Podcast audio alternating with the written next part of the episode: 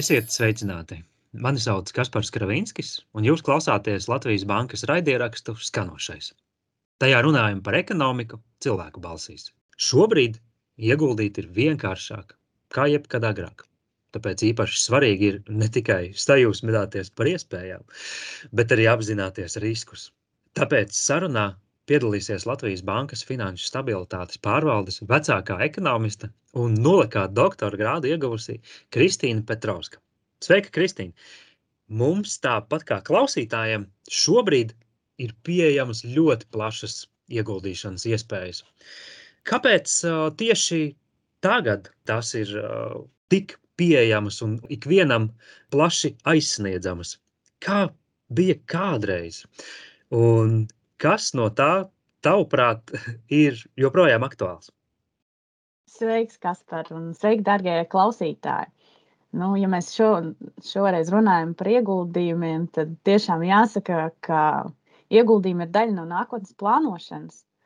Un, kā mēs redzam, pēdējos desmit gados no ierastajiem banku noguldījumiem nu, nav iespējams pelnīt.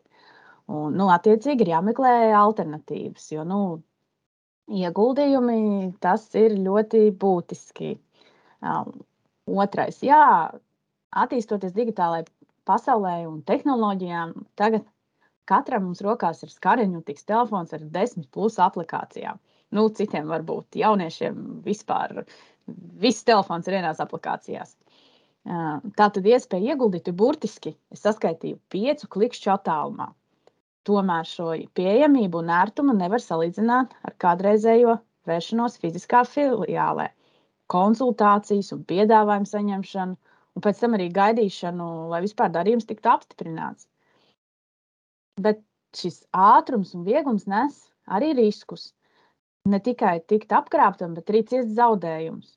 Tādēļ pirms izdarīt izvēli par platformu nu, vai rīku, uzzināt, vai konkrētais brokeris ir uzraudzīts un licencēts Finanšu kapitāla tirgus komisijā, vai tam ir izsniegta varbūt Eiropas licence. To arī var noskaidrot Finanšu un kapitāla tirgus komisijas mājaslapā.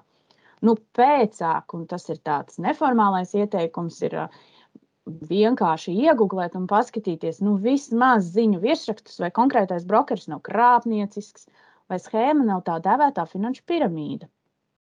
Tev taisnība. Tādi priekšdarbi noteikti būtu jāveic, bet reizēm gluži vienkārši tam neatliek laika. Tā reklāma taču aicina, ieguldi tagad, ko tu vēl gaidi. Ir pēdējais brīdis, tu nokavēsi.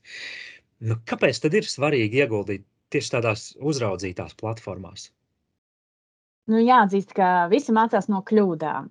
Un tā skaitā arī finanšu uzraugi ir mācījušies no kļūdām. Nu, no tām kļūdām, kas izraisīja globālo finanšu krīzi vēl tālākajā 8. gadā. Un rezultātā ieguldījums piedāvājušās firmas ir piespiestas būt daudz atbildīgākas arī pret patērētājiem. Nu, tas ir patērētājiem. Mēs uztveram neprofesionālos investorus, nu, tādu kā tu, nes, neskaitot to, ka man tas doktora grāds. Bet, uh, jā, uh, tagad, turklāt, tagad pastāv stingras normas, kas tevi un mani kā ieguldītājus pasargā no neētiskas komercprakses. Nu, piemēram, ir diezgan sarežģīti iesmērēt manu ieguldījumu riska profilam neatbilstošus produktus. Varbūt arī to es novēroju, ka pirms ieguldīšanas uzsākšanas licencētās firmas pieprasa tev aizpildīt anketu par tavu gatavību uzņemties investīciju risku. Tur, starp citu, ir ļoti labi jautājumi ne tikai par tavām zināšanām finansēs, bet arī par kāroto ieguldījumu turēšanas periodu, risku noturību, pieredzi finanšu tirgos līdz šim. Tad tiek atlasīti tavam profilam piemērotākie produkti, protams, no kuriem tu vari arī atteikties un nepiekrist. Pastāv arī diversifikācijas vai minimālās ieguldījuma summas sliekšņu prasības īpaši riskantiem produktiem, tādiem, kas nav piemēroti patērētājiem. Pastāv arī tas pats ieguldītāja aizsardzības fonds, nu, piemēram, ja tavi ieguldījumi pēkšņi tiek nozagti no ieguldījuma brokera. Turklāt, kas ir būtiski, tad šādas prasības, ko mēs iepriekš uzskaitījām, nu, nav mm, juridiski saistošas ne uz zītām firmām. Turklāt, kas ir vēl neētiskāk, šīm firmām neviens netraucē apmuļķot ieguldītājus, piedāvājot augstas komisijas maksas, nemaz nerunājot par klajām krāpšanas schēmām. Nu, vai tiešām tas viss ir tik briesmīgi, kā tu tikko stāstīji? Ielādēju telefonā aplikāciju, aizpildīju anketu, vēlreiz pārbaudīju, vai uh, šis brokeris ir licencēts. Nu, visas zaļās gaismas. Vienojos ar sevi un mājiniekiem par summu, kuru esmu gatavs ieguldīt. Bet kur tad īsti paliks tas, kur un ko esmu ieguldījis. Vai tiešām kļūšu par Apple, Microsoft vai Tesla akcionāru? Šis ir ļoti labs jautājums, ņemot vērā vēl uh, pēdējā laikmeta uh, inovācijas. Tiešām var apjukt. Nav tā kā senāk, ka tu aizgāji un tev izsniedza tādu uh, lapiņu, kurā tev certificēja un garantēja, ka tu esi tagad Apple akcionārs. Jāatzīst, ka tagad lapiņas tev neviens vairs digitālā pasaulē īsti neizsniegs. Un tāpēc, tāpat kā latviešu teiciens, ne viss ir zelts, kas spīd. Tad parasti ir jālasa mazā druka, jo noteikumi un līgumi jau tev vienmēr būs pieejami arī digitāli. Ko tu, tu tiešām esi iepircis? Vai tiešām tās ir Tesla akcijas? Un, attiecīgi, vai tev ir tiesības arī uz dividendēm, kuras gan es paskatījos, nemaksā? Vai arī reāli pēc kāda fonda daļas, kas sola atdevi tādu pašu kā no Teslas akcijas cenas, bet reāli to tavu ieguldīto naudiņu iegulda kāda cita automašīnu ražotāja attīstībā, piemēram, uzpērkot šī autoražotāja parādzīmes. Nu, varbūt arī tā, ka nemaz neredzi, ko tu reāli nopērci. Tas ir kādas īpašuma tiesības tev pieder. Jāsaprot, ka uz pasaules ir tikai 1,03 miljardi Tesla akciju. Tātad liela iespēja tev ir kļūt par to akcionāru Teslai, bet tikpat liela iespēja, ka arī nav. Nu, tas arī, ja mēs esam reāli, nu, jālasa tev pirmo reizi, kad tu iegūti. Tad jau, kad tu izmantosi konkrēto brokeri un atkārtosi šīs rīcības, tad jau tu paļausies uz to, ka noteikumi nemainīsies. Bet nu, pirmo reizi nu, tāds ieteikums būtu, nu, palasam vai vismaz izskrienam pa diagonāli cauri mazajai drukai. Papildus šim visam, tu iepriekš pieminēji arī uh, tādu lietu kā komisijas maksas. Uh, kā ir ar tām? Un joprojām no peļņas taču jāmaksā nodokļi, vai ne? Jā, tie ir divi svarīgi jautājumi. Nu tā, tad pirmais par tām komisijas maksām. Tās ir tas slēptais skābais ķirsītis. Un šeit ir divas daļas. Pirmā - komisijas par pakalpojumu. Un šo var ļoti labi salīdzināt starp ieguldījumu firmām un izvēlēties sev lētāko. Nu, vai attiecīgi saprast, ko tu esi gatavs maksāt un ko tu neesi gatavs maksāt. Otra tā jau ir šī pēdējo laiku finanšu inovācija. Ir tā dēvētās bez komisiju maksu platformas. Nu, droši vien arī tu esi saskāries YouTube reklāmās. Um, iespēju, pie, ie, um, iespēju ieguldīt uh, platformās uh, bez komisijas maksas. Bet nu, šeit ir būtiski saprast, ka bez maksas nav nekas. Šajā gadījumā izplatīta praksa ar šīm ieguldījumu platformām pelnīt no līgumiem, kas noslēgti ar lielajām ieguldījumu firmām vai brokeriem par tādu kā tu un es, klientu pasūtījumu apkopošanu un nodošanu tālāk šim brokerim. Un te lūk parādās āķis. Gala patērētājs, nu tas ir tu un es, var nedabūt aktuālo tā brīža tirgus cenu, bet cena, kas pieejama ar vairāku stundu nobīdi. Cenu, kas nav īstā tirgus cena, bet brokera noteikta cena. Bet, nu, varam labi uzelpot. Eiropā pašlaik norit diskusijas, kā šo tēmu aizliegt. Tas ir aizliegt patērētāju brokerim saņemt samaksu par klientu pasūtījumu apkopošanu, nodošanu tālāk citam brokerim. Kā mēs no šī visa varam izvairīties? Sekot līdzi, par kādu cenu konkrētā platforma piedāvā pirkt ieguldījumus un kāda ir šo ieguldījumu cena biržā. Jā, nodokļi. Protams, tad, kad pārdod, ja tu realizē savus ieguldījumus, ir tikai taisnīgi maksāt valstī nodokļus ir eh, labi, ka pēdējos gados ir ieviests šī ieguldījuma konta mehānisms. Nu, kur tad reāli ir jāmaksā nodokļi no summas, tikai kas pārsniedz sākotnēji ieguldīto? Tādējādi tu netiec sodīts par, piemēram, zaudējumu nesošu ieguldījumu pārdošanu. Jā, tā šķiet tāda ļoti saprotama un, un, un taisnīga pieeja. Bet paskatāmies varbūt tad, tad uz tieši Latvijas iedzīvotājiem, nu, ko un kā mēs ieguldam. Vai tev ir kādi labi, labi piemēri par to, kur tad nonākuši Latvijas uh, iedzīvotāju uzkrātie līdzekļi? Tā ir skaitā arī uh, atbalsts uh, pandēmijas laikā. Jā, šo jautājumu, protams, mums ir pieejami dati. Mēs varam tādu vieglu, vispārēju ieskatu sniegt.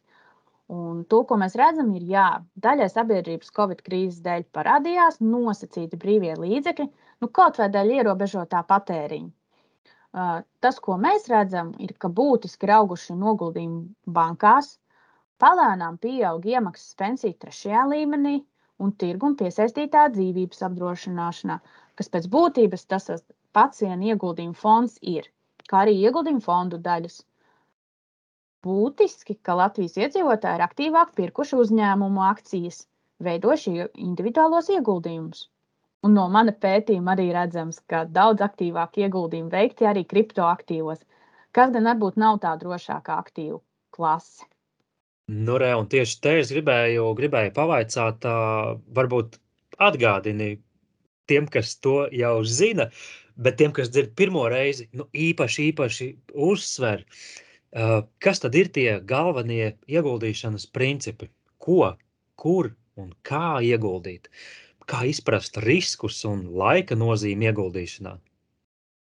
O, jā, šis ir vesels sarunas vērts temats, bet nu tā īsumā. Nu, piemēram, savu, ir jāsaprot, kāda ir sava kā personas riska noturības izpratne, vai komfortabli jūtos, ja man ieguldījumi zaudēs 10, 15, 20% no vērtības. Nu, kā es jūtos pats, ja zaudēju 100 vai 200 eiro? Katram tā sajūta ir cita, un tas ir jāpieņem. Ja mēģinās laust, krīzē tikai vēl sliktāk sanāks, jo priekšlaicīgi, priekšlaicīgi rausi ārā investīcijas. Otrs. Pirms ieguldīšanas ir jādefinē ieguldījumu mērķi un izrietošo laika periodu. Jauniem cilvēkiem ir grūti teikt un izprast krāju pensijai. Nu, arī man. Tāpēc definējiet īsāku ieguldīšanas periodu. Nu, piemēram, 3 līdz 5 gadi. Un saka, ka ieguldījums ir kaut kādam noteiktam mērķim. Piemēram, pirmai mājokļa iemaksai. Mērķu definēšana palīdz noturēt ieguldīšanas sparu. Trešais - veikt regulāras ieguldīšanas. Nu, es, piemēram, kalendārā turu atgādinājumu katru mēnesi noteiktā datumā veikt ieguldīšanu. Nu, gluži kā automātisku rēķinu apmaksu. Mums svarīgi ieguldījums veikt gan tad, kad vērojams nelielas augšupejošas, gan lejupējošas tendences. Nu, ceturtkārt, summas izvēle. Un te ir jānodala divas lietas. Pirmais, ja tev ir uzraudzīts un zema riska ieguldījums, tad var atlikt vairāk. Bet, jo riskantāks un mazāk regulēts, nu, piemēram, tas pats kripto, tad uh, var salīdzināt Cik varam atļauties zaudēt? Pieņemt, ka mēnesī konkrētu summu varam tērēt izklaidē, jo nu, skaisti skatīties, kā spekulatīvais aktīvs lēkā tirgū. Tirgus lejupslīdes laikā par noteiktu summu varēs nopirkt vairāk, savukārt tirgus augšupējā mazāk. Tāpēc ir svarīgi pieturēties pat pie mazas, bet regulāras iemaksas, ko var palielināt atkarībā no tirgus situācijas. Un tā tad piekārt - diversifikācija. Šis zelta likums ir svarīgs, bet nav neizsīkstošs. Ir skaidrs, ka katrs nākamais aktīvs investīciju groziņā samazinās iespēju ciest zaudējumus. Ja, protams, tie nav vieni un tie paši aktīvi, kas eksponēti pret vieniem un tiem pašiem riskiem. Tomēr skolas laikā mācītājs atgādina, ka diversifikācijas efekts būtiski sarūk pie sestā dažādā aktīva, un pie 11. līdz 13. ir izsmēlis savas iespējas. Tātad diversifikācija viena pati ar neko nedos. Noslēdzot, likviditāte. Sarežģīts vārds, bet tik daudz ko nozīmē. Tātad, cik viegli, ātri un ērti tev būs iespēja pārdot savus ieguldījumus. Jo ko dod virtuāla peļņa, ja to nevar uzreiz pārnest eiro? Tādēļ vismaz lielākajai daļai ieguldījumu ir jābūt pietiekami likvīdiem. Tas nozīmē, ir jābūt iespējai tos pārdot. Jo nu visā dzīvē gadās, un ir nepieciešamas naudas summas, nu, piemēram, vecmāmiņas slimnīcas rēķinam. Ah, un pareizi. jādomā ar galvu un skatīties, vai konkrētais ieguldījums nākotnē var nest peļņu. Ar to saprotot, vai tu nepārmaksā, vai nepastāv tirgu burbulis. Privātam investoram burbuļi ir bīstami, un tie neietilpst atbildīgi ieguldītāju pamatgroziņā. Noslēdzot, varbūt pieminēšu no savas puses vēl vienu, vēl vienu svarīgu, svarīgu momentu. Nu, noteikti turpināt mācīties, turpināt uh, savas zināšanas, prasmes, ieguldīšanā un finanšu pratībā vispār uzlabot, un ne tikai finanšu pratības nedēļas laikā, kam arī veltam šo sarunu, bet īstenībā ikdienai. Ceru, piekritīs tam, Kristīna.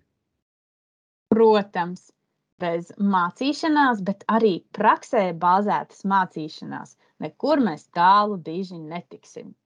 Lielas paldies tev par sarunu un līdz vēlākam! Paldies un atā!